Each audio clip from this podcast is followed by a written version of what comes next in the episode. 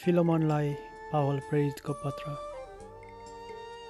यसु ख्रिस्टको कैदी पावल र हाम्रो भाइ तिमथीको तर्फबाट हाम्रा प्रिय सहकर्मी फिलोमनलाई साथै हाम्री प्रिय अफिया र हाम्रो सङ्गी सिपाही अर्किखापस र तिम्रो घरमा भएको मण्डलीलाई परमेश्वर हाम्रो पिता र प्रभु येसु ख्रिस्टबाट तिमीहरूलाई अनुग्रह र शान्ति। प्रभु येसुप्रति र सबै पवित्र जनहरूप्रति भएका तिम्रो प्रेम र विश्वासको विषयमा सुनेर म मेरा प्रार्थनाहरूमा सधैँभरि तिमीलाई सम्झना गर्दै मेरो परमेश्वरलाई धन्यवाद चढाउँछु कि ख्रिसेसुमा तिमीहरूमा भएको हरेक असल कुराको ज्ञानद्वारा तिम्रो विश्वासको सङ्गति चाहिँ प्रभावकारी होस्। किनकि हे भाइ तिम्रो प्रेममा हामी ठुलो आनन्द र सन्तान पाउँछौँ। किनभने तिमीद्वारा पवित्र जनहरूका हृदयहरू शीतल पारिएका छन्। यसकारण जुन कुरा उचित छ त्यसको विषयमा तिमीलाई आज्ञा दिन ख्रिस्मा मलाई बडो हिम्मत छ।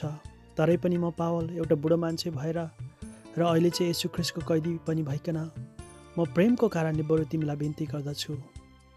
म तिमीलाई मेरो छोरा ओनेसिमसको लागि बिन्ती गर्दछु जसलाई मैले मेरो बन्धनमा जन्माएको हुँ।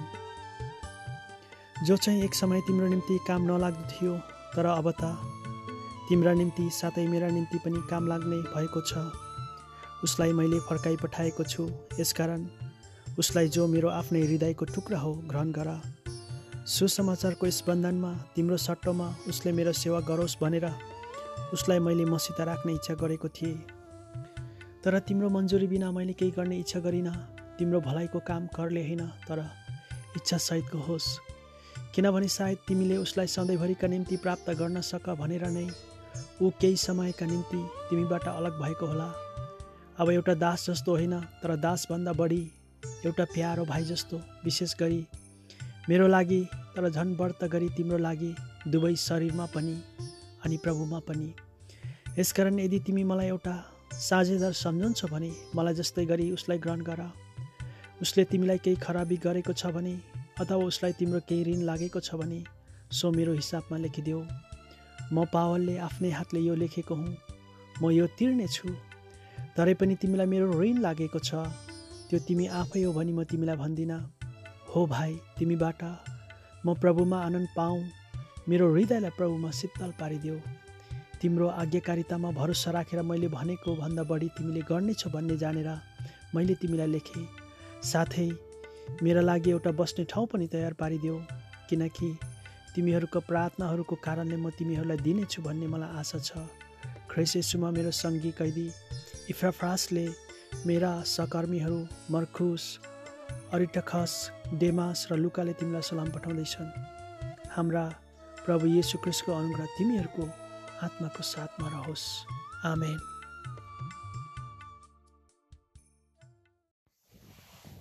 भजन सङ्ग्रह छयासी दाउदको प्रार्थना।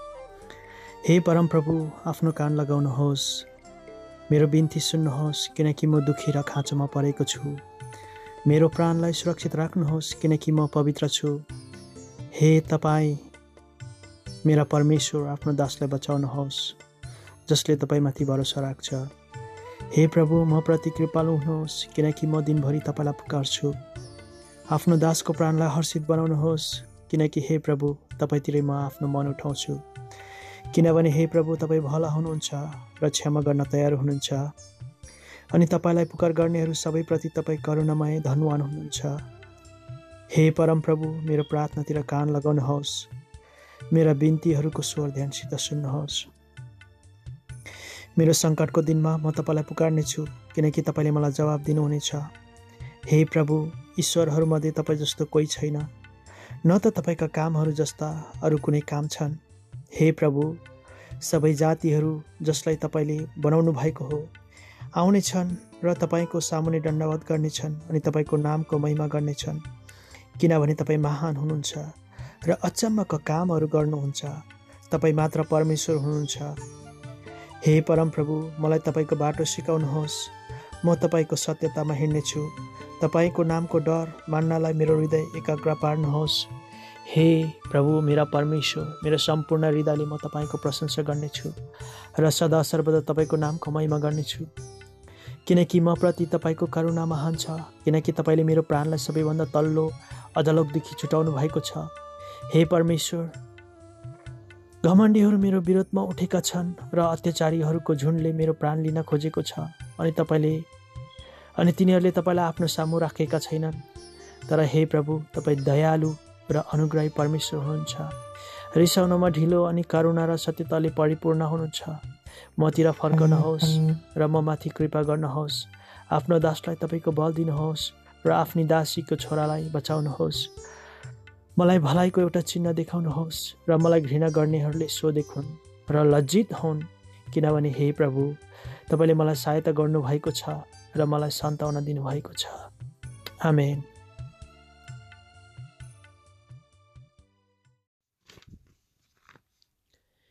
हिमाल जय अचल सत्य यो अपार।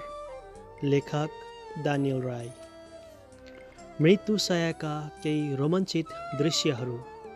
भोल्टियर प्यारिस एक्काइस एघार सोह्र सय चौरानब्बे जन्म। मृत्यु प्यारिस तिस पाँच सत्र सय अठहत्तर। यिनी थिए फ्रान्स देशका जगत विख्यात दार्शनिक। यिनको बुद्धि यिनको स्मरण शक्ति अद्वितीय थियो। सम्पूर्ण देशले यिनको गुणगान गर्थ्यो। फ्रान्समा उनी देउता सरा मानिन्थे। यिनले जेसुकै लेखे पनि त्यस कुरालाई सबैतिर फिजाइन्थ्यो। यिनको छेड हानेर बोल्ने र लेख्ने शक्ति अनुपम थियो। प्रत्येक अलौकिक स्वर्गीय तथा ईश्वरीय भन्ने कुरालाई खिसी गर्ने गिल्ला गिल्ला गर्ने कला ले अनेकौँलाई सिकाए। एक समय तिनी रसियाका राजा महान फेड्रिक फेड्रिक द ग्रेटको दरबारमा राजकीय भोजनमा निम्त्याएका थिए। भोजको समयमा आदत अनुसार उनले भोजमा सामेल भएका ख्रिस्टियनहरूलाई छेड हान्न थाले। राजा पनि ख्रिस्टियन नै थिए। अन्तमा तिनले यसो भने किन म त स्वर्गमा भएको मेरो आसनलाई रसियाली एक डलरमै बेचिदिन्छु। यो सुनेर ख्रिस्का एकजना भक्त विश्वासी जो राज्यका एक मन्त्री पनि थिए अवाक भए। तब तिनी आसनबाट उठे अनि त्यस निन्दकलाई डपेटेर भने महाशय तपाईँ रसियामा हुनुहुन्छ? जुन देशमा हरेक जसले आफ्नो सम्पत्ति बेच्न चाहन्छ त्यसले पहिले म यस सम्पत्तिको मालिक हुँ भनी प्रमाण दिनुपर्छ। के तपाईँ स्वर्गमा मेरो आसन छ भनी किटान गरेर प्रमाण दिन सक्नुहुन्छ? यस्तै थिए भोल्टियर। एकपल्ट तिनले आफ्नो साथीलाई भने यस क्रिस्चियन धर्मलाई बाह्रजना बुद्धु मछुवाहरूले स्थापना गरे। अब एउटै फ्रान्सवासी भोल्टियरले यसलाई ध्वस्त पार्न सक्छ भन्ने कुरा म सम्पूर्ण संसारलाई देखाइदिनेछु। यसरी क्रिस्चियन धर्मलाई ध्वंस पार्न सङ्कल्प गरेका थिए तिनले। डक्टर जोन आर राइस भन्छन्। क्रिस्चियन धर्म मेटिने किसिमको हुँदो हो त मेट्नलाई योग्य व्यक्ति भोल्टार नै थिए। यिनी भोल्टियर मृत्युसायमा तिन महिनासम्म विलाप गर्दै निन्दा गर्दै पछुतो गर्दै पीडाको कराईमा भुटिए। त्यसपछि भोल्टियर आफूले कमाएको अनन्त दण्डमा गए। ओछ्यानमा तिनी घरिघरि रिसले धारा किर्थे घरिघरि पछुतो गर्थे। घरि आँसुले भिजेको स्वरमा चिच्याउँथे। हे इसु हे इसु ख्रिस आफ्नो दबाई पानी गर्ने डक्टरलाई भन्थे मलाई मान्छेले पनि छोडे परमेश्वरले पनि छोड्नुभयो। उनको मृत्यु मुटु कपाउने किसिमको थियो। यसकारण उनलाई आखिरी घडीसम्म स्याहार सुसार गर्ने नर्सले यसो भनेकी छिन् सम्पूर्ण युरोपको धन सम्पत्ति मेरो काखमा हालिदिए पनि फेरि अर्को अधर्मी मान्छे मरेको म हेर्न चाहन्न। उनलाई दबाई पानी गर्न आउने ती डक्टरहरू पनि उनको पछितो बिलाप र व्यथालाई देखेर अवाक बहक हुन्थे र भन्थे अधर्मी मान्छेको मृत्यु चाहिँ साँच्चै डरलाग्दो हुँदो रहेछ। क्रिस्चियन धर्मलाई मेट्ने मान्छे यसरी मेटिएर गए। फ्रान्स जगतका विख्या विख्यात लेखक भिक्टर हुगु भन्छन् भोल्टियरको मृत्यु तिस मे सत्र सय अठहत्तर फ्रान्सेली विद्रोह फ्रेन्च रेभोल्युसनको नजिकै भएकोले उनको लासलाई उनका प्रशंसकहरूले महान पुरुषहरूको समाधि स्थलमा सम्मान साथ राखे। फ्रान्सका धनवान वर्गको विरोधमा उठेको गरिब दललाई भोल्टियरले प्रशस्त सहायता गरेका थिए।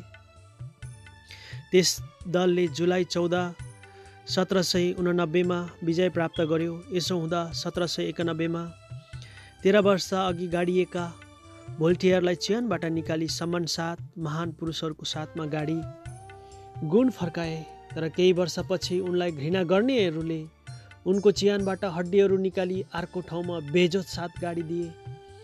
बाइबल र बाइबलका प्रभु यीशु ख्रिस्टको विरोधमा तिनले जीवनभरि जो कुकर्म गरे यदि ती कामहरू असलै र न्यायसङ्गत हुँदा हुँदा तिनले छटपटाउँदै छटपटाउँदै बार बार हे परमेश्वर बचाउनुहोस् हे परमेश्वर म प्रति कृपा राख्नुहोस् भन्दै विलाप नगर्नुपर्ने थियो।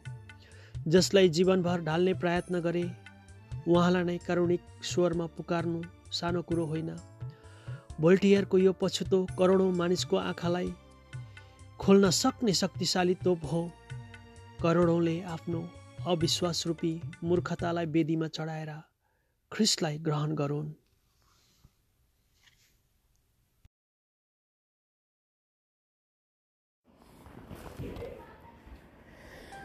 भजन सङ्ग्रह एक धन्य हो त्यो मानिस जो भक्तिनहरूको सल्लाहमा हिँड्दैन न पापीहरूको बाटोमा उभिँदछ न त गिल्ला गर्नेहरूको आसनमा बस्दछ तर उसको आनन्द परमप्रभुको व्यवस्थामा हुँदछ र उहाँकै व्यवस्थामा दिनरात मनन गर्दछ। तब ऊ पानीका नदीहरूको किनारमा रोपिएको रुख झै हुनेछ जसले आफ्नो ऋतुमा आफ्नो फल दिँदछ। उसको पात पनि ओइलाउँदै छैन तर उसले जे गर्दछ त्यो सफल हुनेछ। भक्तिहीनहरू त्यस्ता हुँदैनन् तर भुस जस्तै हुन्छन् जसलाई हावाले उडाएर लैजान्छ। यसकारण भक्तिहीनहरू न्यायमा खडा रहने छैनन् न त पापीहरू नै धर्मीजनहरूको सभामा खडा हुनेछन् किनकि परमप्रभुले धर्मीजनहरूको बाटो जान्नुहुन्छ तर भक्तिहीनहरूको बाटो नष्ट हुनेछ।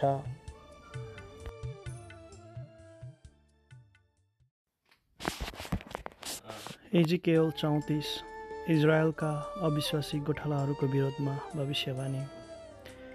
अनि परमप्रभुको यसो भन्ने वचन म कहाँ आयो? हे मानिसको छोरा इजरायलका गोठालाहरूको विरोधमा भविष्यवाणी गर भविष्यवाणी गरेर तिनीहरूलाई भन प्रभु यौवा गोठालाहरूलाई यसो भन्नुहुन्छ। धिक्कार इजरायलका गोठालाहरूलाई जसले आफ्नै पेट भर्दछन्। केही गोठालाहरूले भेडाहरू चढाउनु पर्दैन र तिमीहरू बोसो खान्छौ र आफैलाई उनले पहिराउँछौ। तिमीहरू मोटा मोटाहरूलाई मार्दछौ तर भेडाहरू चाहिँ चराउँदैनौ तिमीहरूले न कमजोरीहरूलाई बलियो तुल्याएछौ न बिरामीलाई निको पारेका छौ न भाँचेका टुटेकालाई पट्टी बाँधेका छौ न धपाइएकाहरूलाई फर्काएर ल्याएका छौ न हराएकोलाई खोजेका छौ तर तिमीहरूले बाल मिचाइ र कठोरता साथ तिनीहरूमाथि शासन गरेका छौ। अनि कोही कोठाला नभएका हुनाले तिनीहरू तितर बितर भए अनि तितर बितर हुँदा तिनीहरूले मैदानका सबै पशुहरूको आहार बने। मेरा भेडाहरू सबै पहाडहरू हुँदो र हरेक अग्ला डाँडाहरूमाथि बड्किन्थे। अँ मेरा भेडाहरू पृथ्वीका सम्पूर्ण सतहमा त्यति तरबितर भए अनि कसैले सोधखोज गरेन न त कसैले तिनीहरूलाई खोजी निकाल्यो। यसकारण हे गोठालाहरू परमप्रभुको वचन सुन मेरो जीवनको कसम निश्चय मेरा भेडाहरू शिकार भएकोले मेरा भेडाहरू मैदानको हरेक पशुको आहारा भएकोले किनकि त्यहाँ कोही गोठालो थिएन। साथै मेरा गोठालाहरूले मेरा भेडाहरूको सोधखोज नगरेका तर ती गोठालाहरूले आफ्नै पेट भरेका र मेरा भेडाहरू नचराएका हुनाले। यसकारण हे गोठालाहरू परमप्रभुको वचन सुन। प्रभु या यसो भन्नुहुन्छ हेर म यी गोठालाहरूको विरोधमा छु अनि मेरा भेडाहरूको लेखा म तिनीहरूको हातबाट लिन्छु र उनीहरूलाई भेडाहरू चराउन बन्द गरिदिनेछु अनि गोठालाहरूले आफ्नै पेट फेरि भर्न पाउने छैनन्। किनकि मेरा भेडाहरूले उनीहरूको भोजन नहुन् भनेर म तिनीहरूलाई उनीहरूको मुखबाट छुट्याउनेछु किनभने प्रभु यहुवा यसो भन्नुहुन्छ हेर म अँ मेरा भेडाहरूको सोधखोज गर्नेछु र तिनीहरूलाई खोजी निकाल्नेछु। जसरी गोठालाले आफ्ना तित्तर भित्र भएका भेडाहरूको बिचमा भएको दिनमा आफ्ना भेडाहरू खोजी निकाल्छ त्यसरी नै म मेरा भेडाहरू खोजी निकाल्नेछु र तिनीहरूलाई सबै ठाउँहरूबाट छुट्याउनेछु र तिनीहरूको बादल लागेको र अँध्यारो भएको दिनमा तितर भएका थिए। अनि म तिनीहरूलाई जातिहरूबाट निकालेर ल्याउनेछु र ती देशहरूबाट भेला पार्नेछु। अनि तिनीहरूलाई तिनीहरूको देशमा ल्याउनेछु र इजरायलको पहाडहरू हुँदो खोला नालाहरूको छेउमा र त्यसका सबै बसोबास गरिएका ठाउँहरूमा तिनीहरूलाई चढाउनेछु।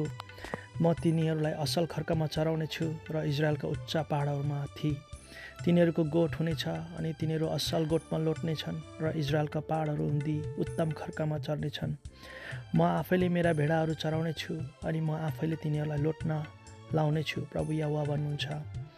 म हराएकोलाई खोज्नेछु धपाएकोलाई फर्काएर ल्याउनेछु भाँचिएको टुटेकोलाई पट्टी बाँध्नेछु कमजोरीलाई बलियो तुल्याउनेछु तर मोटो र बलियो चाहिँ म नस पार्नेछु